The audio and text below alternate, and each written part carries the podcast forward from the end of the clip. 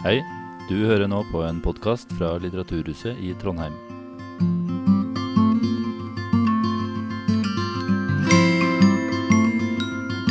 Tusen takk. Og god kveld til, til dere alle. Det er veldig imponerende å se så mange gå av huset i dette fryktelige været. Men det er veldig, veldig hyggelig.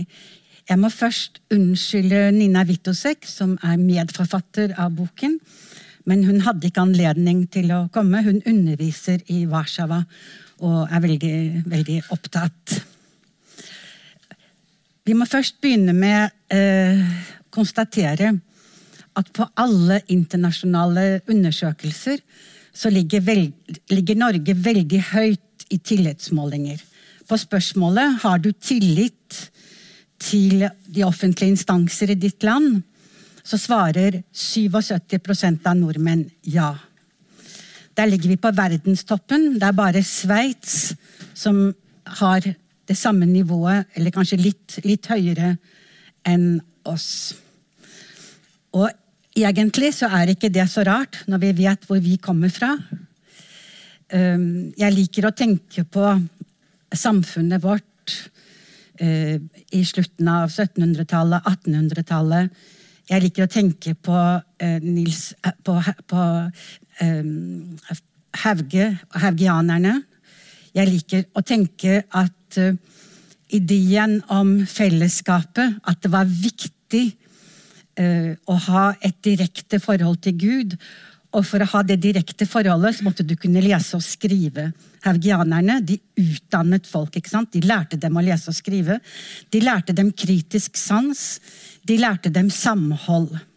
For med samme ved din industri du fikk litt overskudd, så tenkte du på de andre de rundt deg. Og denne mentaliteten den har overlevet lenge i Norge. Og den er jo den er forsterket selvfølgelig av protestantismen.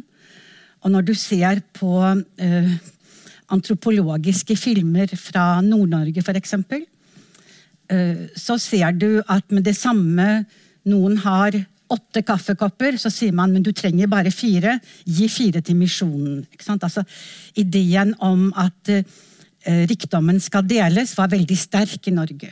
Men det kommer fra denne bakgrunnen som vi har, fra et land som var en koloni. Vi hadde få lærde menn. Uh, og uh, denne bevegelsen, Nissen Hauge, var veldig viktig. Og etter det så har vi hatt, altså vi har hatt gode ledere. Vi har hatt et samfunn som var ganske likt. Og Eh, vi har vært skånet for store kriser. Vi har ikke hatt ledere som var korrupte. Vi har ikke hatt blodige kriger, eh, borgerkriger. Og i den norske verden etter, etter frigjøringen så tror jeg vi kan si at eh, vi hadde en samarbeidsånd. Det var dugnader for å gjenreise landet, og de sosiale forskjellene var små. Jeg elsker å se på f.eks. historien om Husbanken. Om hvordan man bygget fullgode hjem, men nøkterne. Alt er nøkternt. Men det var verdige, verdige, verdige boplasser. Verdige, verdige mennesker. Så dette er vår bakgrunn. Det er der vi kommer fra. Problemet er at verden har forandret seg utrolig hurtig.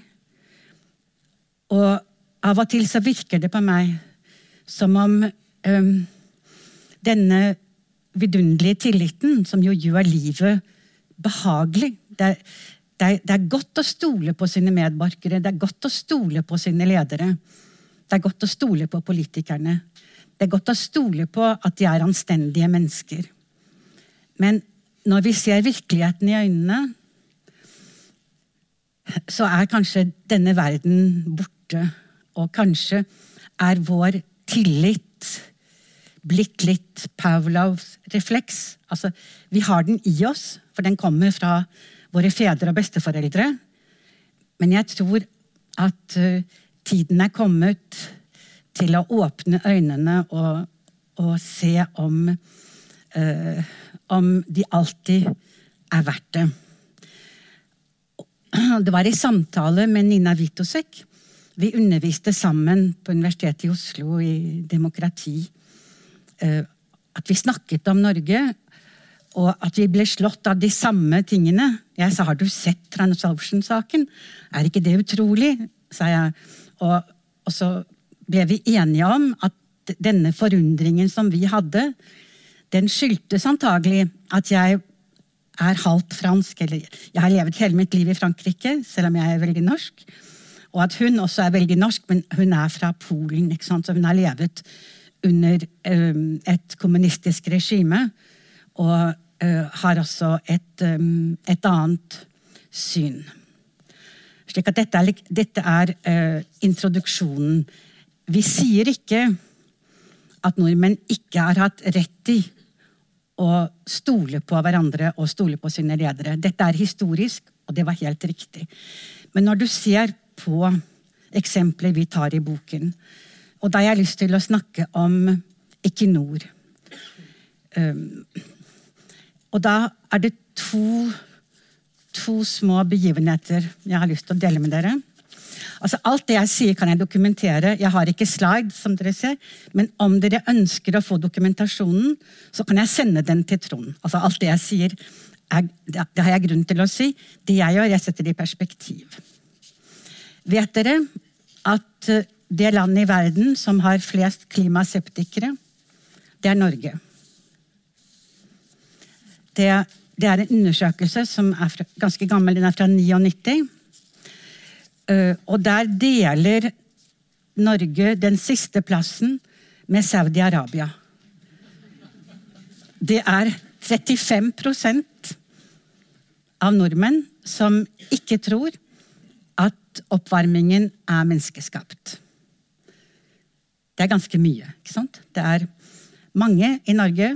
Faktisk så er det over én million mennesker som uh, altså tror at det er vulkaner og solen og andre ting. Men det er ikke fossil energi. Og samtidig så, så jeg at uh, Equinor har fått en bot i England i, i disse dager. Vet dere for hva?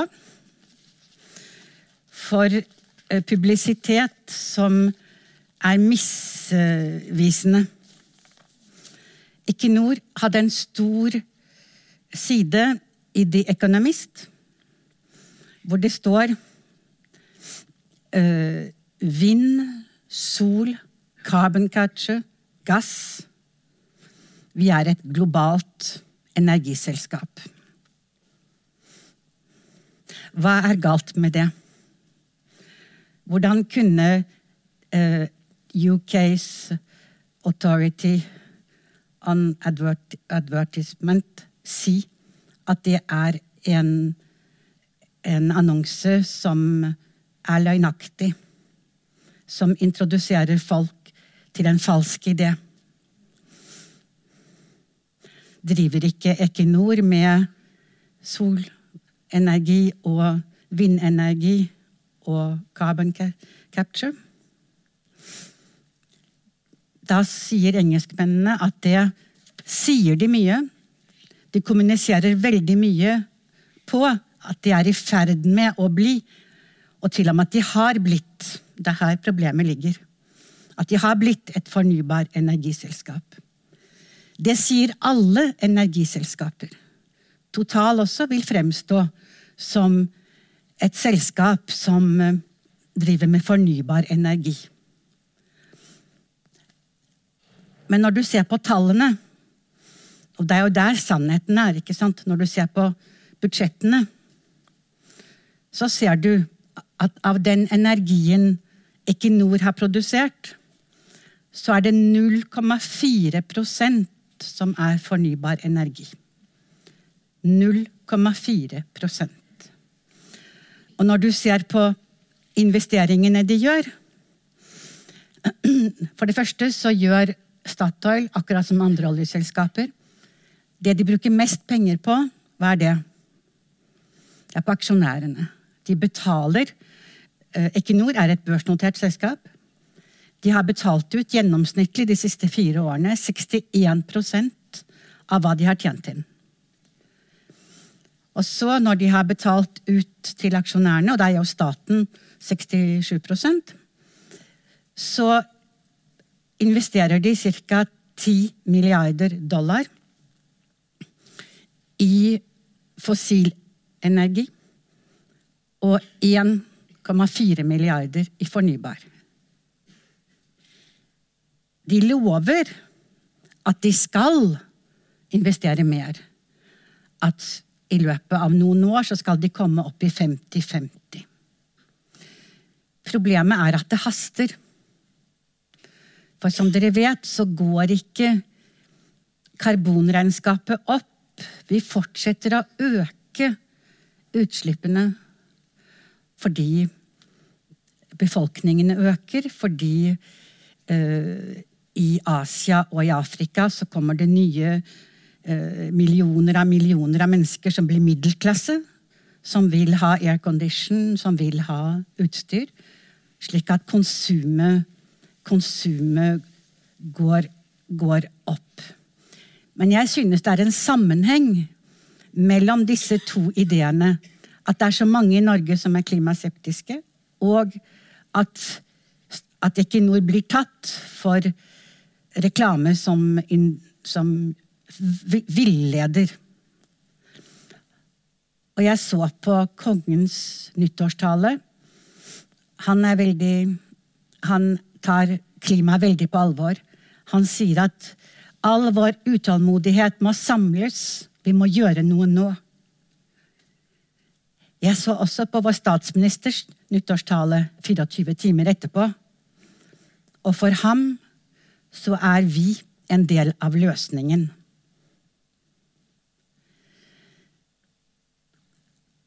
Han skjuler i sin tale at den fornybare energien som Equinor har, den skyldes oppkjøp og ikke skapelse, holdt jeg på å si. Han skjuler at i Norge skal vi investere 240 milliarder kroner, 24 milliarder dollar, i løpet av året som kommer, i fossil energi. Vi er ikke i ferd med å bygge opp den fornybare.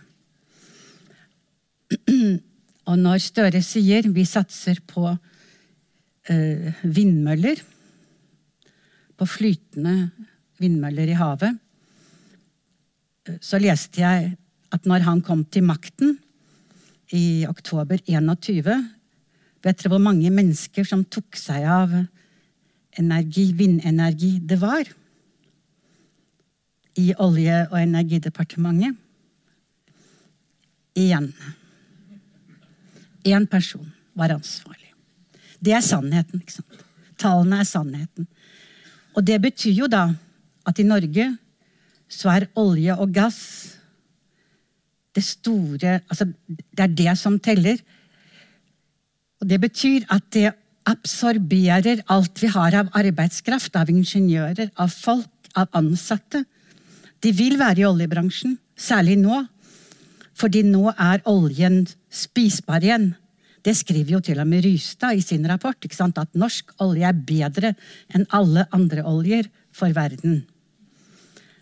Og det har han litt dekning for. Fordi under utvinningen av oljen så bruker vi mindre CO2 enn Saudi-Arabia.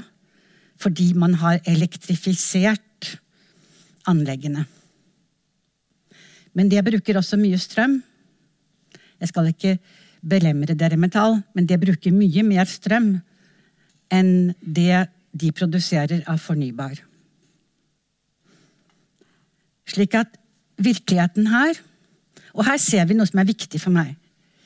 Vi ser at det er en historiefortelling. Dere blir fortalt. Kjære nordmenn, ikke bekymre dere. Vår olje er bra for verden. Det er det dere blir fortalt. Og derfor så er det ikke forunderlig at så mange nordmenn tror det. Men dette er for meg et tillitsbrudd. Dere stoler på at regjeringen gjør det de sier. Selv om de gjorde det, selv om de fullførte intensjonen om å bygge ut havvind og, og sol, så ville det ikke bli mer enn 12% av produksjonen. Equinor produserer to millioner ekvivalent fat per dag. Det slipper ut ikke når det blir produsert, men når det brennes, så slipper det ut 250 millioner tonn CO2. Altså fem ganger mer enn Norge.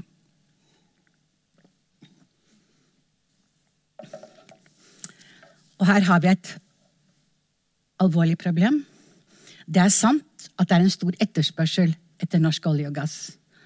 Fordi vi er en stabil leverandør. Det er ingen fare for politisk kupp i Norge. Vi vil ha ordnede valg. Alt vil gå etter, etter reglene. Vi er en stabil og sikker leverandør. Men det hjelper ikke. Fordi vi har veldig kort tid nå til å komme ut av fossil energi, som er årsaken, hovedårsaken til den globale oppvarmingen. Og dette er matematikk. Og alle som har lyst til å følge med i karbonregnskapet og se hvor mye karbon vi enda tåler, kan gå på et nettsted som heter Carbon Tracker. Det er et engelsk nettsted. Det finnes også norske institusjoner som tar seg av det. Og der kan dere lese at om alle oljeselskaper, alle fossilselskapene, om de selger og brenner alt de har på lager, så vil temperaturen stige et sted mellom 6 og 11 grader. 6 er det mest konservative. Det betyr at en stor del av verden blir ubeboelig. Det betyr at uh, migrasjonen Eh, problematikken vil bli kolossal. Det betyr at det blir sult og hunger. Det betyr at det blir krig. ikke sant? Fordi når folk ikke har mat, og ingenting fungerer lenger. Så det, det er et skjema vi ikke kan tillate oss. Men her har vi et alvorlig problem. Fordi vi, vi vet hvilke reserver oljeselskapene har. I gass og i olje. Og de kan ikke selge dem. For da forsvinner vi. Men de har ikke skrevet ned verdien. Og det betyr jo at disse investeringene man nå gjør i nye oljefelt, de skal man ikke kunne amortere, nedskrive. For det betyr at da er det slutt på oss. ikke sant? Så dette er også en finanskrise vi bygger opp til. Total er i dag i ferd med å bygge en diger pipeline fra Uganda til Tanzania, gjennom, altså tvers over Afrika, fra uh, vest til øst. 1300 km. Den tangerer um, en stor innsjø som er drikkevann for 30 millioner. Og den vil også skape utrolig mye utslipp. Men her sier, her sier, Uganda hvorfor skal, være, hvorfor skal ikke jeg ta den inntekten? Slik at alle oljeselskapene forsøker å bli større, forsøker å bygge mer. Men den dagen politikerne skjønner sitt ansvar og gjør noe, så blir disse investeringene verdiløse. Og vi snakker her om trillioner på amerikansk. Altså milliarder av milliarder. Så vi bygger også opp til, ved å ikke ta dette alvorlig og begynne å skrive ned nå, bygger vi opp en kolossal, til en kolossal finanskrise. Jeg syns dette var veldig viktig å snakke om, for for meg er dette kanskje det største tillitsbruddet. Det at man later som at, dette, at verdens problemer ikke angår oss. Og når Aasland kom hjem fra Dubai, så ble han intervjuet, og da sa han Det husker dere kanskje? Altså, vi er veldig glad for vi har, vi har funnet en felles erklæring. Det er å orientere oss bort fra fossil energi. Og Barth Eide var visst veldig operasjonell i den formuleringen. Men han sa det forandrer ingenting på norsk olje- og gasspolitikk. Fordi vi, vi i Norge, vi lever i en boble. Resten av verden de, de lever sitt liv, men det angår liksom ikke oss. Og det, det, det er en veldig rar ting, ikke sant? Det er eh, Så jeg er ikke riktig sikker på om eh, Jeg tror kanskje fallet kan bli ganske høyt. Fordi vi, vi lever veldig høyt i Norge på vårt vidunderlige rykte. Fordi det norske selvbildet og den norske aksjonen er jo bildet av gode mennesker som gjør hva de kan for de fattige i verden. Norge er den største relative bidragsyter til bistand. Vi bruker uh, 1,2 eller 3 prosent av vårt nasjonalprodukt til bistand. Vi har vært veldig aktive i, i fredsmegling. Altså, vi, har, vi, har, gjort mer internasjonalt enn veldig mange. Vi har et veldig godt rykte, også fordi vi ikke er en kolonimakt. Og fordi at vi var et sympatisk land der oppe i nord. Men den sympatien begynner å skrumpe. Den skrumper av det jeg har fortalt om, om oljen. Den skrumper også fordi vi har tjent rått, kan vi si, på krigen i Ukraina. Og vi hadde et valg. Vi hadde kunnet selge vår gass til en fastsatt pris fra før krigen. Vi hadde jo tjent noe for det, men det gjorde vi ikke. Det gjorde vi ikke. Vi tjente et halvt statsbudsjett mer. Det er ikke veldig sympatisk sett fra utlandet. Og ord som krigsprofitør ser du nå av og til. Det at vi også starter leting etter metaller på havbunnen, at vi vil starte som det første landet i verden å gå ned i dypet og lete etter mineraler. Vi skjønner jo hvorfor verden trenger, og særlig i den grønne omstillingen, så trenger vi disse mineralene. Men det har aldri vært gjort før, og vi vet ikke hvilke konsekvenser det vil ha for livet i havet, som vi også er ansvarlig for. Og det ble jo vedtatt i Stortinget for bare noen dager siden. Det var store demonstrasjoner utenfor Stortinget med folk som var kommet fra hele verden. Det ble ikke skrevet mye om det i norsk presse. Personlig fikk jeg flere hundre mail fordi jeg er kjent for å være norsk. Og folk skrev til meg Eva, du må gjøre noe. Det kan ikke, det, det kan ikke være sant at dere gjør det det gir oss heller ikke mye sympati. Og her kommer jeg til et annet punkt som er viktig. Det er Det er nå 30 år siden EØS-avtalen.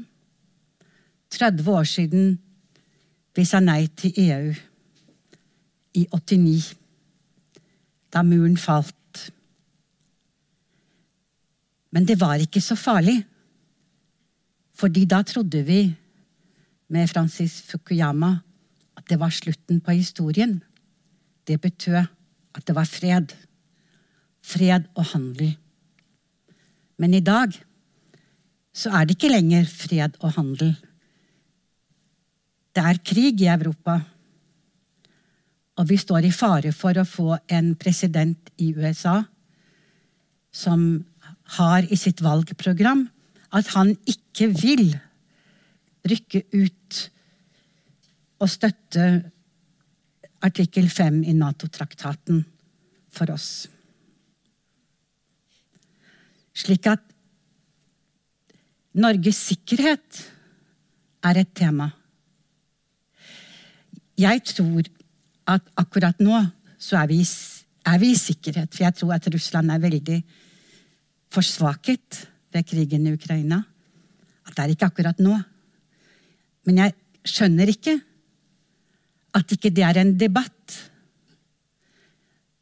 Det startes nå i, i EU, så starter man om å samordne og bygge opp en hær. For at det europeiske forsvaret skal være selvstendig. Kanskje, kanskje var det verdt en debatt, dette spørsmålet. Det er til og med ganske livsviktig. Men den politiske konstellasjonen gjør at det er umulig.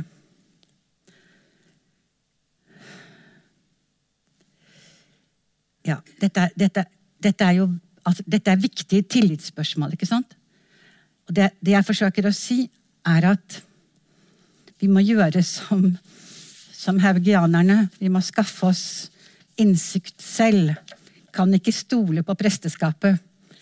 Vi må, vi må være aktive. Vi må, vi må engasjere oss. Og det, det, vi, det vi ser, er jo at i de siste siste, siste månedene ja, men før, før, jeg begynner å snakke om det, så tenker jeg. På bakgrunn av det jeg har fortalt om, om gass og, og, og olje Det at Verdens energibyrå og FN sier at vi må ikke lete etter nye områder. Hvorfor Hvorfor tror Norge at det ikke angår Norge? Det er en generell regel. Vi har allerede altfor mye olje og gass. Og vi så i tingretten på fredag at eh, noen lisenser ble erklært ulovlige. Men jeg vet ikke hvilken betydning det vil ha i, i lengden.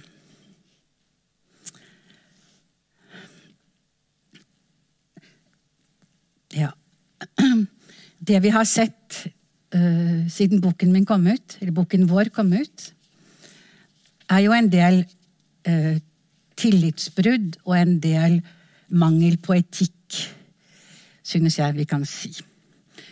Den største saken som har versert siden uh, juni, var aksjehandlingen til uh, Sindre Finnes, altså Ernas, Erna Solbergs ektemann.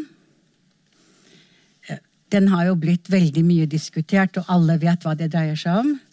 Hva som var for meg spesielt sjokkerende, var jo at han satt i statsministerboligen og shortet norske aksjer. Dvs. Si han spekulerte på at de ville falle i verdi. Han spekulerte mot norsk industri. Og um, han kjøpte aksjer også i Nordic Mining. Det er en annen stygg sak som Norge står til rette for. Det er forbudt i, til, i henhold til EU-direktiver å dumpe avfall i sjøen. Det er forbudt. Men man har gitt tillatelse til å dumpe jeg vet ikke hvor mange millioner tonn i Førdefjorden for Nordic Mining. Og det var jo oppe til Høyesterett, og Høyesterett ga dem rett i at de kunne dumpe denne, dette avfallet. Det er altså, etter min mening, ikke, uh, ikke i tråd med EU-direktiver på avfall. Og hva som var interessant, var at Denne dommen falt klokken fem om ettermiddagen. Og klokken tolv så var det intens spekulasjon på tittelen. Det var altså noen som begikk innsidehandel, noen som visste hva resultatet ville bli. Det kan vi si var mangel på etikk. Samme hva forklaringen er. Altså, vil man tjene penger på aksjer, så er det lureste man gjør, er å kjøpe indekset på Wall Street. Det gir 11,4% gjennomsnittlig avkastning i året. Det er veldig vanskelig å slå det. For å slå det så bør du ha mye innsideinformasjon.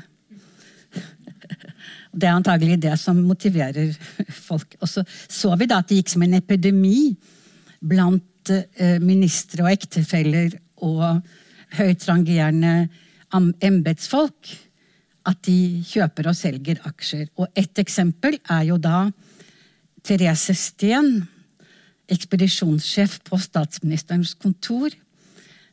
Det ble, avdekket Jeg husker ikke om det var VG, jeg tror det var VG som oppdaget det. Hun satt på en portefølje verdt 16 millioner, som hun hadde bygget opp litt etter hvert.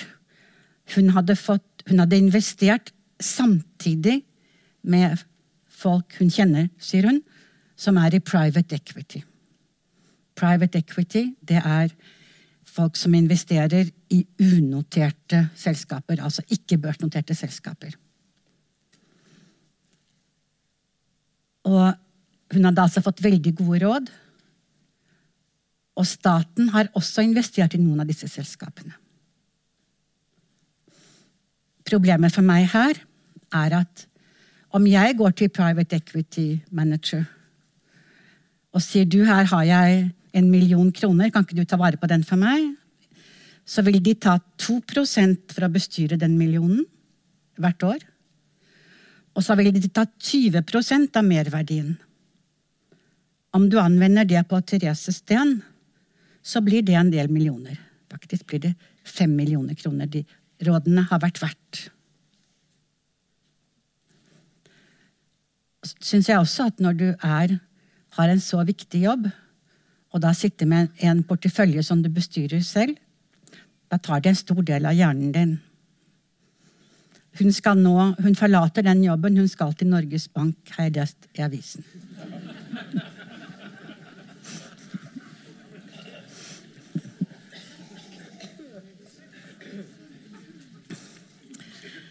Det var det. Og så har vi hatt uendelig mange pendlerboligsaker. Og det, hva jeg syns var interessant med det, var at Stortingets administrasjon sa at de, det var jo tillitsbasert. Det var jo derfor de hadde så mye problemer. Så det vi kan, det vi kan si om det, er at uh, Ja, altså det er to måter å se det på. Jeg har vært parlamentariker i ti år. Og jeg synes jo egentlig at alle burde ha en bolig. Altså, der, I Norge er det 40 km grense. Du må, altså om du bor lenger enn Drammen, så kan du få pendlerbolig. Men når du har nattsesjon, og du er ferdig ett eller to om natten, så er det langt å kjøre til Drammen. Men det er det norske systemet. Men det blir jo da brutt. Det var veldig mange brudd på de reglene. Og nå har vi den, De siste skandalene er at, at uh, høyere utdanningsminister har, har, plag, har masteroppgave som er plagiert. Og kanskje også helseministeren. Men altså det, det er ikke min spesialitet, så det skal jeg ikke uttale meg om. Men vi kan se her at det mangler litt uh, Det mangler litt Eh, anstendig oppførsel, kalte vi det i gamle dager. Anstendig oppførsel. Ja. I boken min, boken vår, så er det et kapittel om, eh, om Equinor. Vi har ikke fått med oss Det er ikke det resonnementet som jeg, jeg, hadde her. Uh, men det gikk på uh, tapet til Equinor i USA Som dere husker, det var i 2021 at DN eh, la frem materiale om hvordan Equinor hadde tapt 240 milliarder kroner på investeringene i USA. Og det er jo da et enormt beløp. Va? Det er et enormt beløp. Riksrevisjonen så, på det og sa at eh, de hadde mistet helt kontrollen. De hadde leid altfor dyre lokaler, altfor mye personale. Kjøpt utrolige ting uh, uten noen form for kontroll. Men det som slo Nina og meg, det var jo at ingenting skjedde. Staten sa vi har tillit til at Equinor ordner opp. Og de ble sittende, ikke sant? De ble ikke sagt opp. De som hadde tapt Altså, 24 milliarder dollar, det er mer penger enn hva de tjente eh, i veldig gode år. Så det er masse penger. Men de ble alle sittende. Både styremedlemmene og, og Helge Lund, som var daglig leder. Og det er jo litt forunderlig. Og her kan man si at når du er staten, og du oppdager at du det, at eh, det stats, altså selskapet du er majoritetseier i, at de har tapt så mye penger, så ville det være normalt å kalle dem inn på teppet og at noe skjedde med dem, men det gjorde det altså ikke. Og her kan vi si at når, sier, når tillitsordet blir brukt her, så er det ikke kanskje at det er den vakre tilliten haugianerne hadde. Dette er tillit som dekker over inkompetanse, slapphet, ønsketenkning Alt mulig annet. Ikke sant? Det er, det, er, det er en tillit som er svakhet. Så det er av og til litt lettvint å si at jeg stoler på deg når du skal Du burde ordne opp. Vi har en del andre saker vi legger frem i, i boka. Jeg snakker om uh, TransOcean-saken. Jeg vet ikke om mange av dere husker den saken. Som endte med at uh, dette var en sak om et multinasjonalt selskap som tauet ut en rigg i internasjonalt farvann i uh, Det var i, i 90, 99, var det vel. Og de solgte den mens den lå noen minutter ute i det internasjonale farvannet. Og så påsto de at de skulle da ikke beskatte merverdien til Norge uh, fordi den ble solgt i internasjonalt farvann. Altså, den ble tauet ut. Uh, den lå noen timer, og så ble den tauet tilbake. Og det var jo da en ganske konstruktiv eller ganske oppfinnsom måte å unngå å betale skatt på. Ehm, Stavanger skattekontor mente at de skulle betale skatt til Norge, og ba om det. Eh, men et multinasjonalt selskap de lar seg ikke pille på nesen. ikke sant? Så uh, de stiller da med titalls advokater. Det som var straffbart, det var ikke det å ikke ha betalt skatt, men det var det å ikke ha gitt korrekte opplysninger. Det er det som er straffbart. Og den saken førte Økokrim mot dem. Men så kom tingretten i Oslo til at uh, det var egentlig ikke noe skatteunndragelse her. Altså, de kom til et motsatt uh, resultat av hva Stavanger hadde kommet til. Og ettersom det ikke var noe skatteplikt, så var det heller ikke noen opplysningsplikt, sa Oslo tingrett. Og da må vi vite at et rettssystem tar høyde for at tingretten kan ta feil. Det er innebygget i systemet. Da anker vi. Og en tingrett setter ikke noe presedens.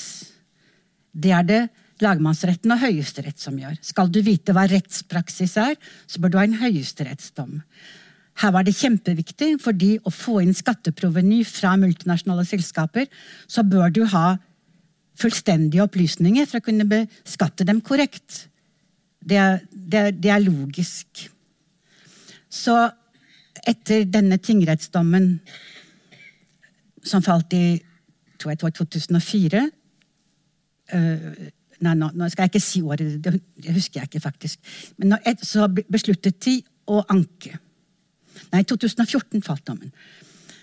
Uh, så besluttet Riksadvokaten og Økokrimsjefen og Morten Eriksen, som var påtalemyndighet, de besluttet alle tre å anke.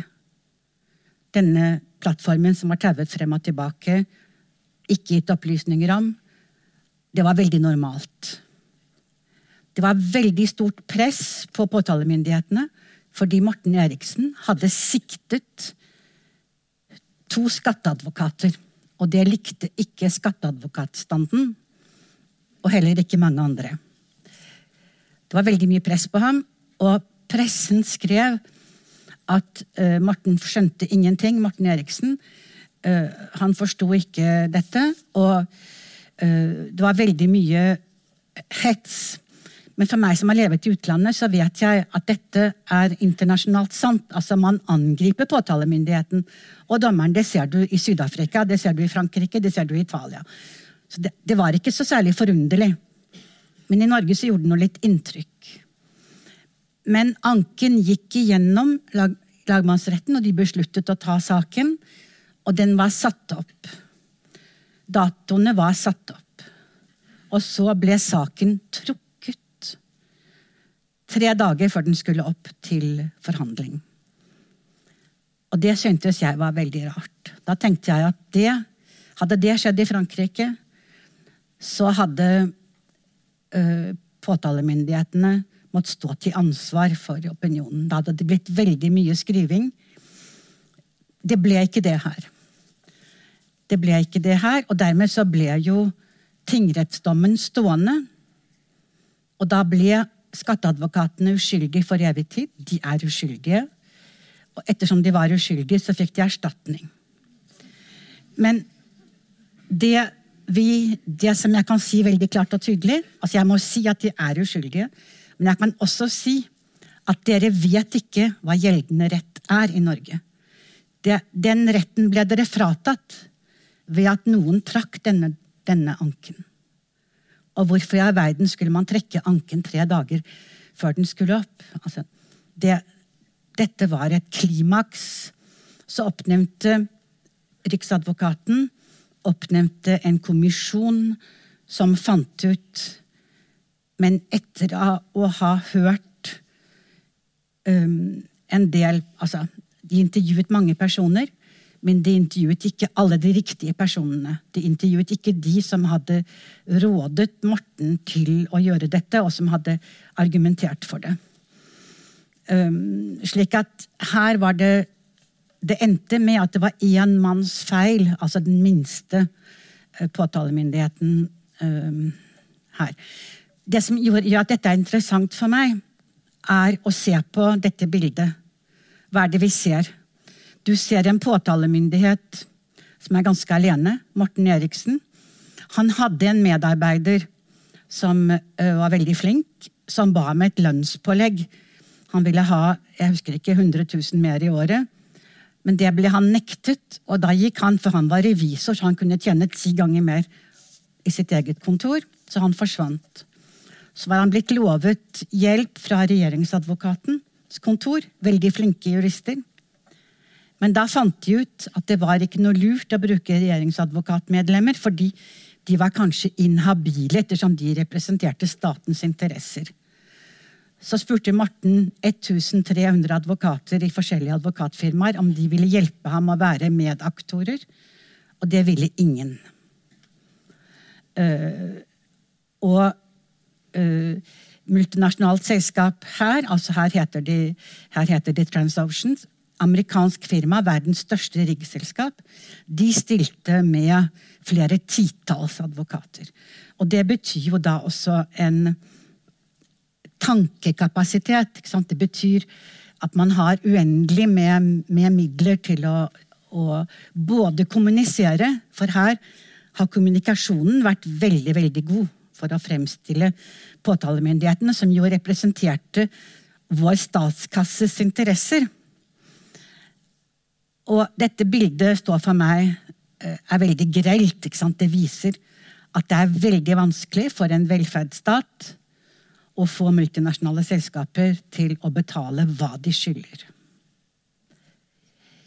Om dere leser boken, Det kapittelet er kanskje litt vanskelig, men den gode nyheten er at det er kommet et EU-direktiv siden, som heter DAC 6, Directive of Administrative Cooperation, som sier at når advokater planlegger en veldig aggressiv skatteplanlegging, så skal de informere skattemyndighetene. Så det, det som var sakens kjerne, det har nå EU-regulativene løst.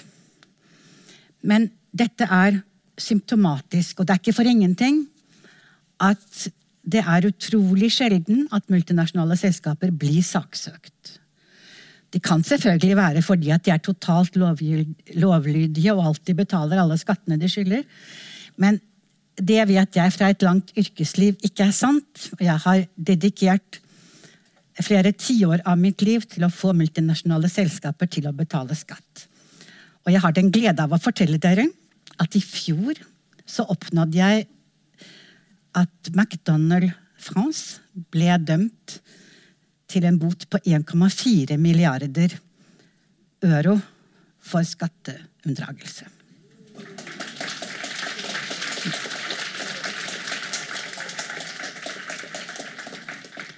Og det, helt, det samme kunne vi gjøre i Norge. Det er det samme skjemaet. Men jeg tror ikke det er noen påtalemyndighet i Norge som kan gjøre det. Det var mulig i Frankrike fordi jeg arbeidet sammen med fagforeningen hos McDonald, som hadde adgang til regnskapene. Og med en ekspert som jeg brukte, så klarte vi å, å få et startpunkt. Vi klarte å bevise at det var i hvert fall unndratt 80 millioner. Og så laget vi en klage, og så tok påtalemyndigheten saken veldig alvorlig. Og den endte, som jeg sa, med en, en veldig berømt uh, Veldig berømt uh, bot. Slik at dette er et stort problem. Multinasjonale selskaper betaler ikke skatt.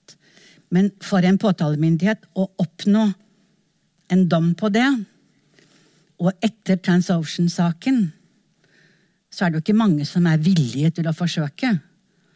For da er prisen Den betaler du med din karriere. Hva? Du blir ofret. Muligens.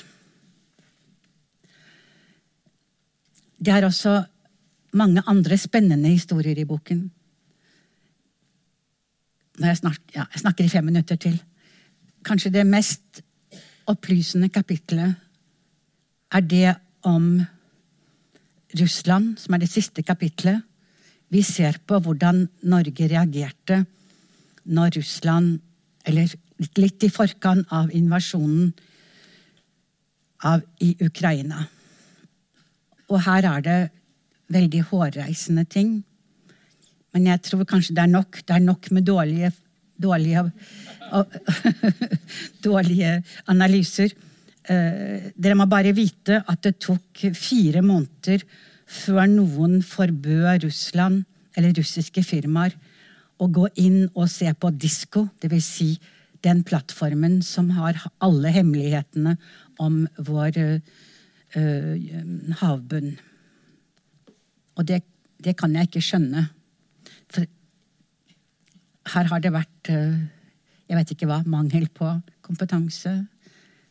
Man stoler på folk, men man kontrollerer ikke at de kan hva de gjør. Eller at de er flinke nok. Vel, det var det. Nå kan vi ha en liten seanse med, med spørsmål. Om dere har lyst.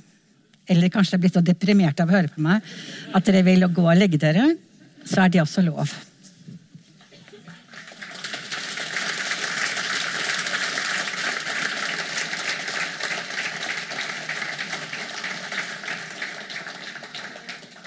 Før vi starter spørsmålsrunden, så vil vi bare informere om at det blir gjort opptak. Eh, så er dere klar over det. Mm. Ja, hører du meg? Stå opp, så hører jeg bedre. Ja, jeg heter Snorre Vikdal. I 2019 så ga jeg ut ei bok som heter 'Råtne Trondheim', som sikkert noen her har lest. Som handler om det politiske og eh, mediemessige i Trondheim. Eh, et, et, av de største problemene Du snakker jo om tillit. Og Et av de største problemene som Jeg var jo politiker også frem til 2017. og Så stanga du hodet i veggen, så da ble det ei bok. ble neste som jeg prøvde. Et av de største problemene som jeg synes er jo det med kontroll av politikerne. Politikerne er jo de som har mest makt her i Norge. Både her lokalt i Trondheim og nasjonalt. Mm. Eh, men alle kontrollkomiteer, eller omtrent alle kontrollkomiteene som skal følge med og passe på at politikerne ikke driver på med, med ja, korrupsjon, maktmisbruk osv., der sitter jo nesten bare aktive politikere. Mm. Eh, sånn som når jeg gikk eh, for forrige valg, så var det, var det bare aktive politikere i kontrollkomiteen. Eh, nå er det i Trondheim så er det fem aktive politikere og to tidligere politikere. Så det er altså ingen uavhengig kontroll av politikere. Mm. Eh, og Jeg har jo kikka litt på andre kommuner, og det er sånn er det i alle store kommuner. På Stortinget er det jo akkurat samme. Kontroll- og konstitusjonskomiteen der. Det er bare aktive politikere. Eh, og jeg tror det er sånn er det i veldig mange andre land. Det vet sikkert du mye bedre enn meg, i EU og Frankrike. Og så det er et av de største problemene, eh, sånn som jeg ser det, i hvert fall, er at politikerne har ikke noe uavhengig kontroll av seg. Og Det vil si at de kan herje og holde på sånn som de vil. Og de vet at hvis det havner saker opp, så kan de late som de gjør noe, og så havner kontrollkomiteen, og så gjør de lite grann. Kanskje, kanskje en må gå av til slutt. Så det er et stort problem. Jeg jobber jo som fysioterapeut, har tilskudd fra Trondheim kommune. og så Der kjenner jeg jo noen. Jeg har jo hatt det i 15 år ca. Eh, der kjenner jeg noen men i Helfo, Trygdevesenet, som også kontrollerer meg at regningene mine er riktige. Der kjenner jeg ingen. Og så har du Helsetilsynet, som kontrollerer meg. At jeg gjør faglig og ikke driver med uetisk mm. behandling eller mot pasienter osv. Så, videre. Så der har du uavhengig kontroll. Men de som har mest makt i samfunnet, de kontrollerer seg sjøl. Jeg vet ikke hva du tenker om det.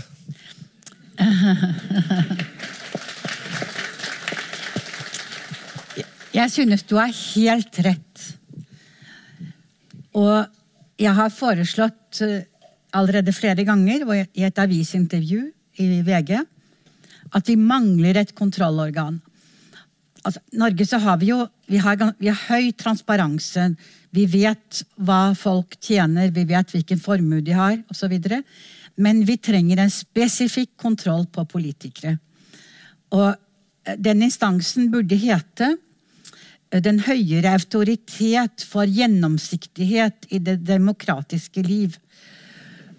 Og der burde du, når du blir valgt i Stortinget til å starte med opp, altså Når du blir valgt til Stortinget, eller når du blir minister eller statssekretær, eller når det er kommunevalg og du blir ordfører, og kanskje altså man, må man, må bestemme hvor langt ned man vil gå.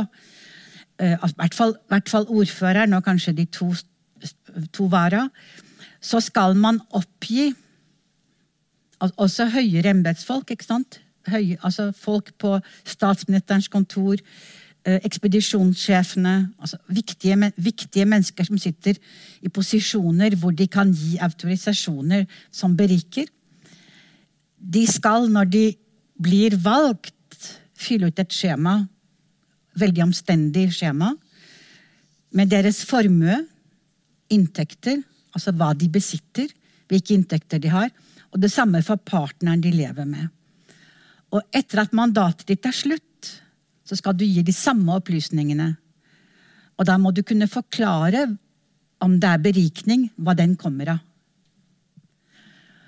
Og om du glemmer å oppgi at du har en leilighet på Kypros eller et hus på Paros, så er det, er det straffebelagt.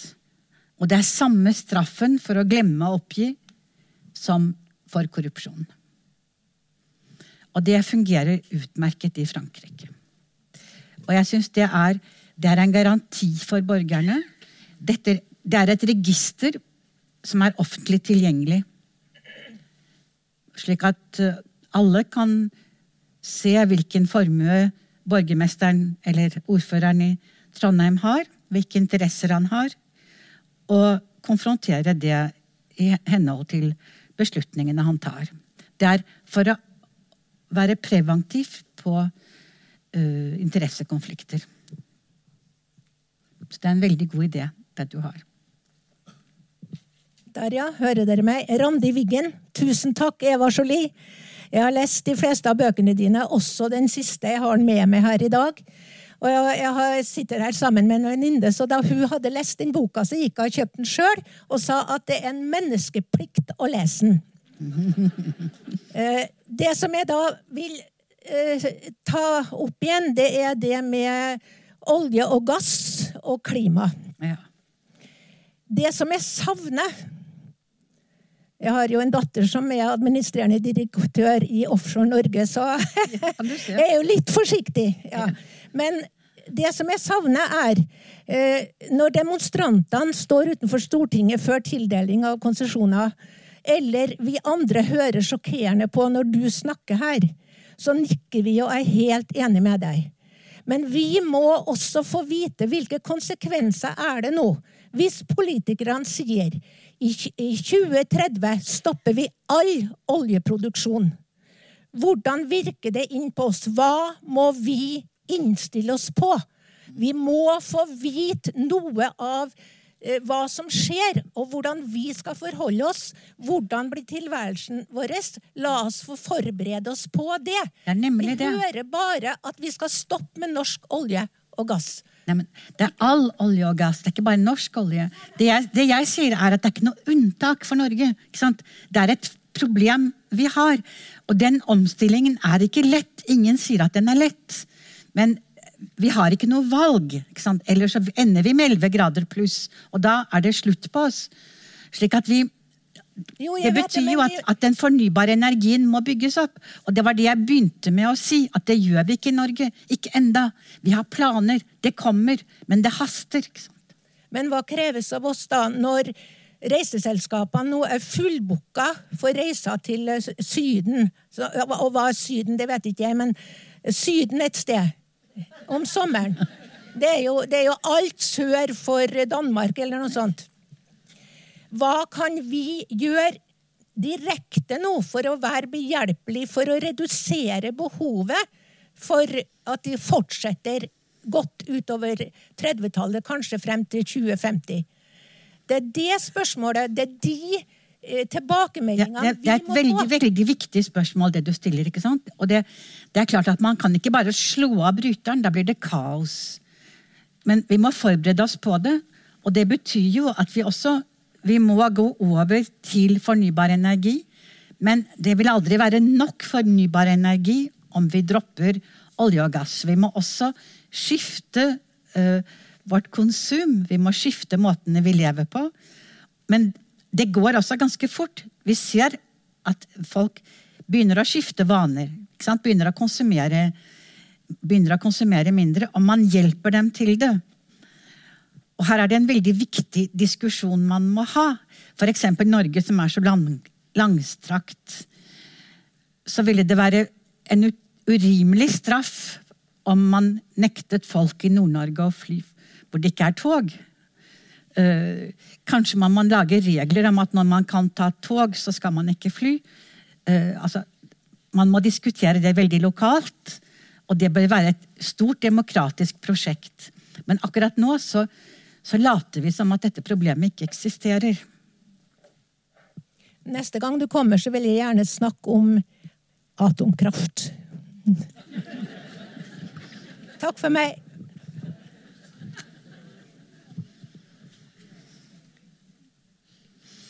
Eh, god dag. God dag. Hyggelig at du er her.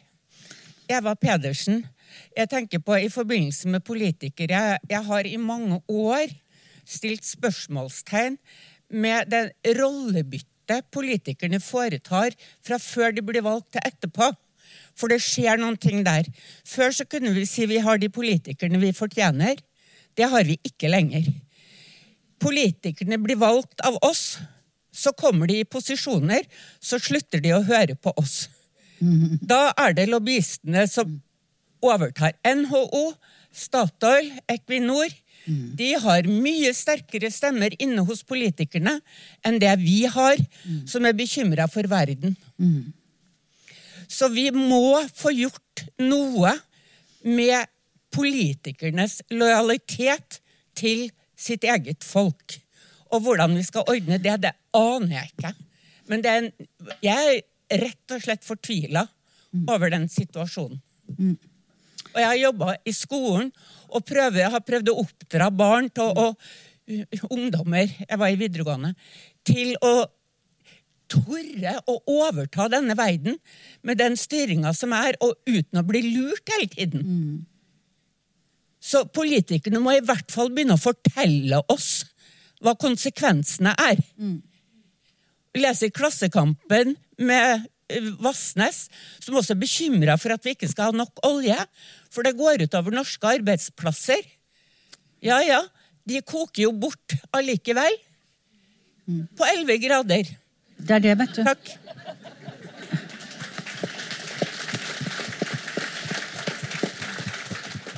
Her, her er, du, har absolutt, du har absolutt rett. Lobbyenes innflytelse er uh, stor og uh, bør kontrolleres. Dere burde ha rett til å vite hvem våre energiminister snakker med, hvem ekspedisjonssjefen hans snakker med. Det burde ligge på nettet. Agendaen burde ligge på nettet, slik at vi så hvor mange folk han tok imot fra hvilket selskap. Det lovforslaget stemte Høyre og Fremskrittspartiet, og også Venstre, tror jeg, imot for ikke så lenge siden. Og da var jeg, skal, jeg noterte det. Arbeiderpartiet og Høyre Nei, om forlatelse. Arbeiderpartiet Høyre um, altså, Jeg er litt usikker. Det forekommer meg at det var også Fremskrittspartiet, i hvert fall. I hvert fall så har det vært stemt ned de to store partiene. Og det er jo for meg det er veldig, det er uforståelig. Argumentasjonen til statsministeren, som jeg konfronterte med det i Harstad på fredag, Eh, det var at eh, vi trenger det ikke. Sant? Vi trenger det ikke i Norge. Og det, det, er akkurat som med norsk olje. Altså, hvorfor i all verden er Hvorfor tror vi at vi er utenfor det som har vist seg å fungere andre steder? I EU-parlamentet var det heller ikke noe lobbyregister. Vi De Grønne vi begynte frivillig med det, og nå er det obligatorisk. Altså, det, det, gir, det gir innsyn. Og det er en enkel ting. Men da sa de at det var for mye byråkrati. Det er selvfølgelig drømmen om at vi har et lite, åpent samfunn hvor vi bare kan gå inn og hilse på hverandre og drikke kaffe. Men verden er ikke sånn lenger, ikke sant?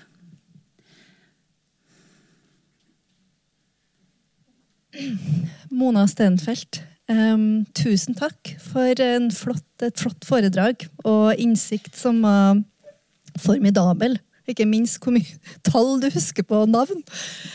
Eh, det du sa flere ganger, var manglende kompetanse. Og hvordan systemet egentlig forkludrer og altså, skjuler det. Ja. Men jeg er jo litt sånn opptatt av eh, hvordan kan Jeg syns jo at det bærer preg av at vi alle har en del av å rekruttere kanskje feil folk eller nære i, eh, i eh, posisjoner. Og det handler ikke bare om politikere, men det handler om bedrifter og beslutningstagere.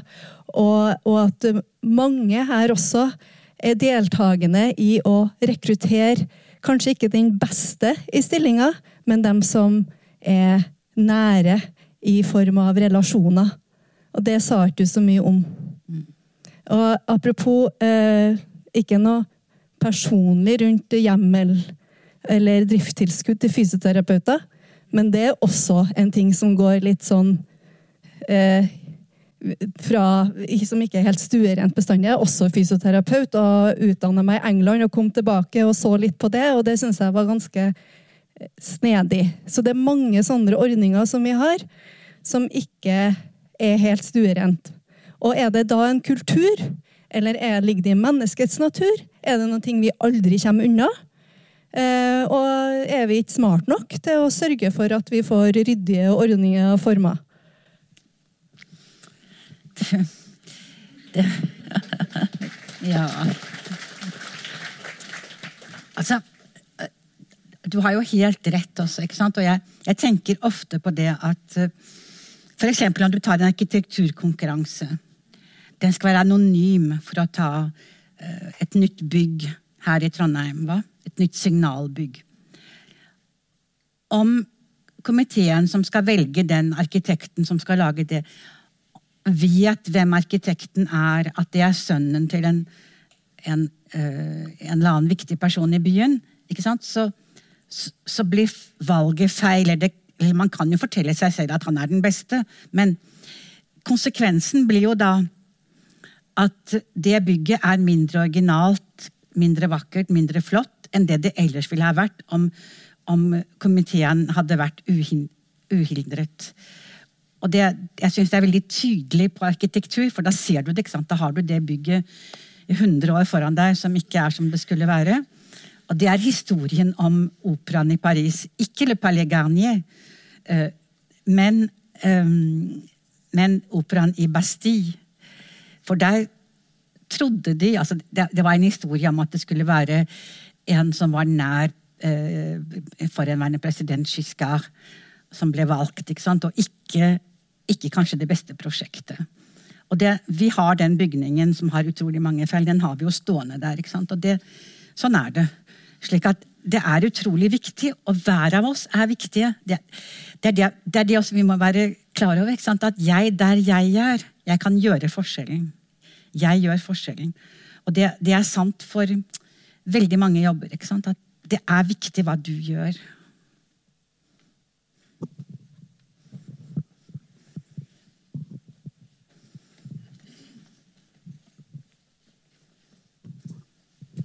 Navnet mitt er Britt Aas.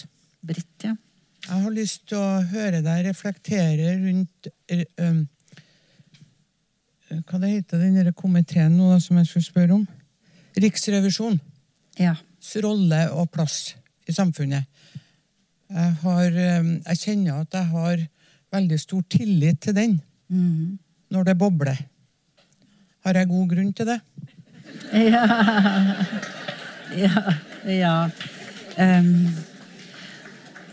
det er jo en veldig demokratisk institusjon, ikke sant? Det er jo det. Og de har slått meg flere ganger at uh, de har gjort utmerket arbeid. ikke sant? Og jeg tenker da f.eks. på Alexander Kielland-ulykken. Husker dere den? Ja.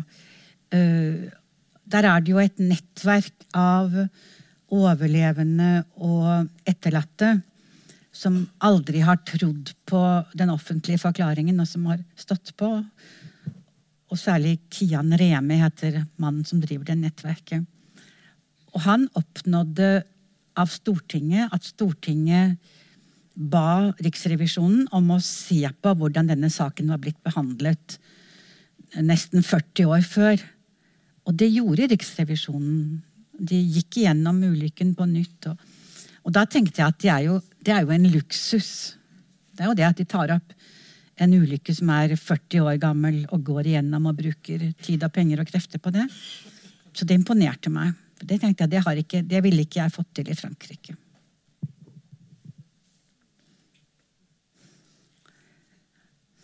Så, men jeg, jeg, er ingen ekspert på, på, på Riksrevisjonen. Men jeg mener ikke at vi, vi kan ikke mistenke alle institusjoner. Det, det, er ikke det som er formålet. Jeg tror hver og en Det er bare at det er litt mye silotenkning. ikke sant? For det, verden er så komplisert. Og at det er klart at når du er i, i olje og, og, gass, så har du lyst til at det skal fungere så godt som mulig. Altså, du, man ser ikke nødvendigvis helheten.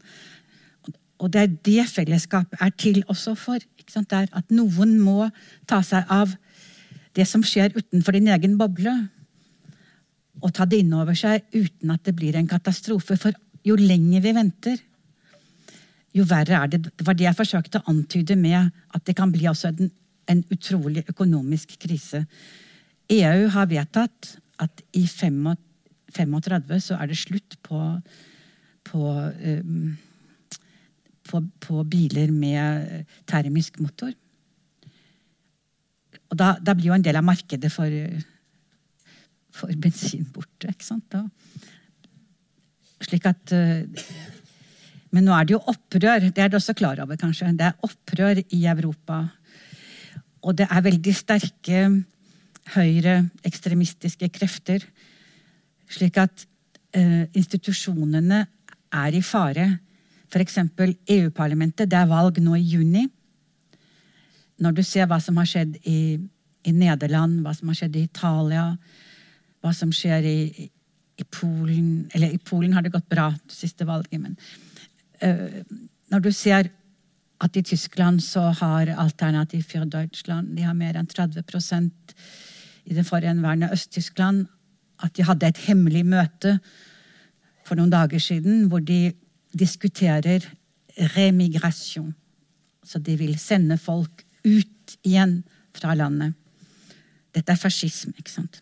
Og når du ser at nå er det opprør blant bønder i EU fordi EUs landbrukspolitikk snur seg for å bli grønnere. De vil ha mindre pesticider, mindre kunstgjødsel, mindre Altså nye regler. En fjerdedel skal være i bio, men nå vil ikke bøndene lenger. De vil ikke kutte ned på, på antall kyr de har. De vil ikke legge om sine vaner. Og nå truer de med å, å kjøre ut alle traktorene sine, blokkere veier, legge dritten på foran eh, beslutningstagere.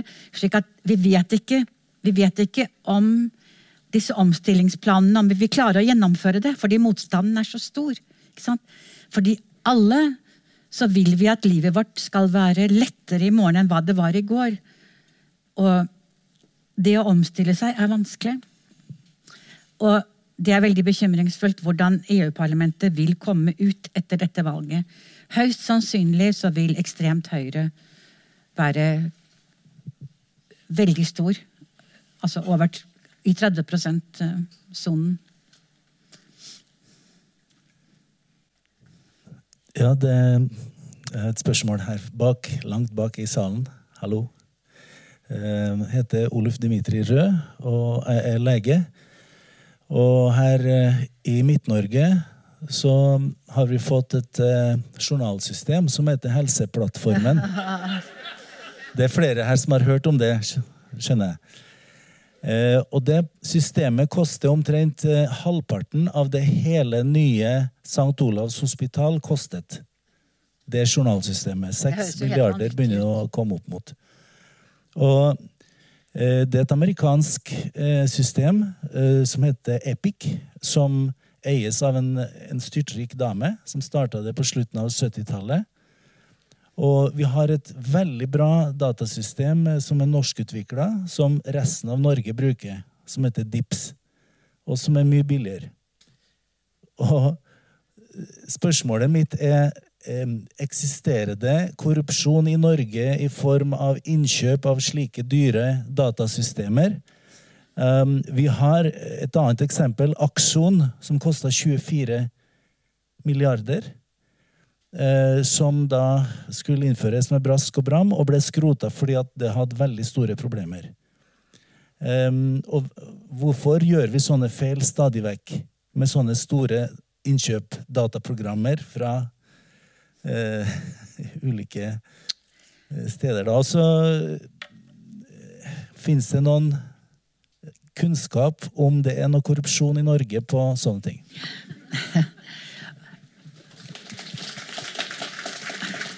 Altså, eh, bare det du annonserer, ikke sant. Man kjøper ikke et journalsystem fra 70-årene. Altså noe som utvikler seg så fort som uh, informatikk, ikke sant, som uh, data. Det som er to år gammelt, er jo allerede utdatert. Så når det er, når det er uh, 50 år gammelt, så det høres jo veldig merkelig ut. Veldig, veldig merkelig ut.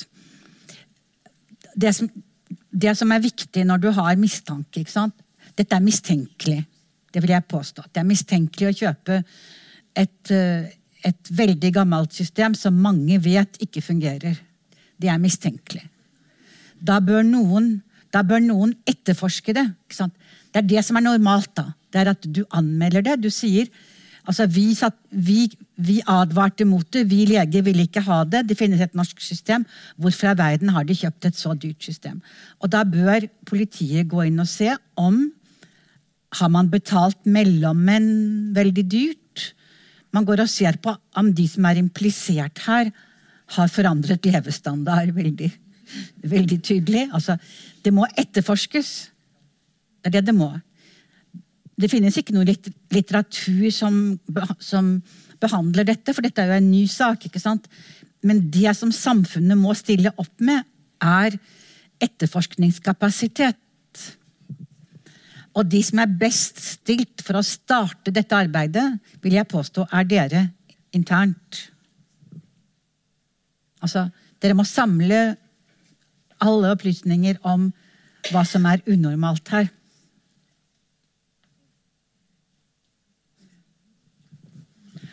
Og så bør politikammeret lokalt være i stand til å ta det. Det, det, burde det lokale politikammer kunne ta. Nå tror jeg kanskje at vi har snakket om alle verdens problemer lenge, og at det er tid for eh, andre aktiviteter. Tusen hjertelig takk til deg, Eva Jolie.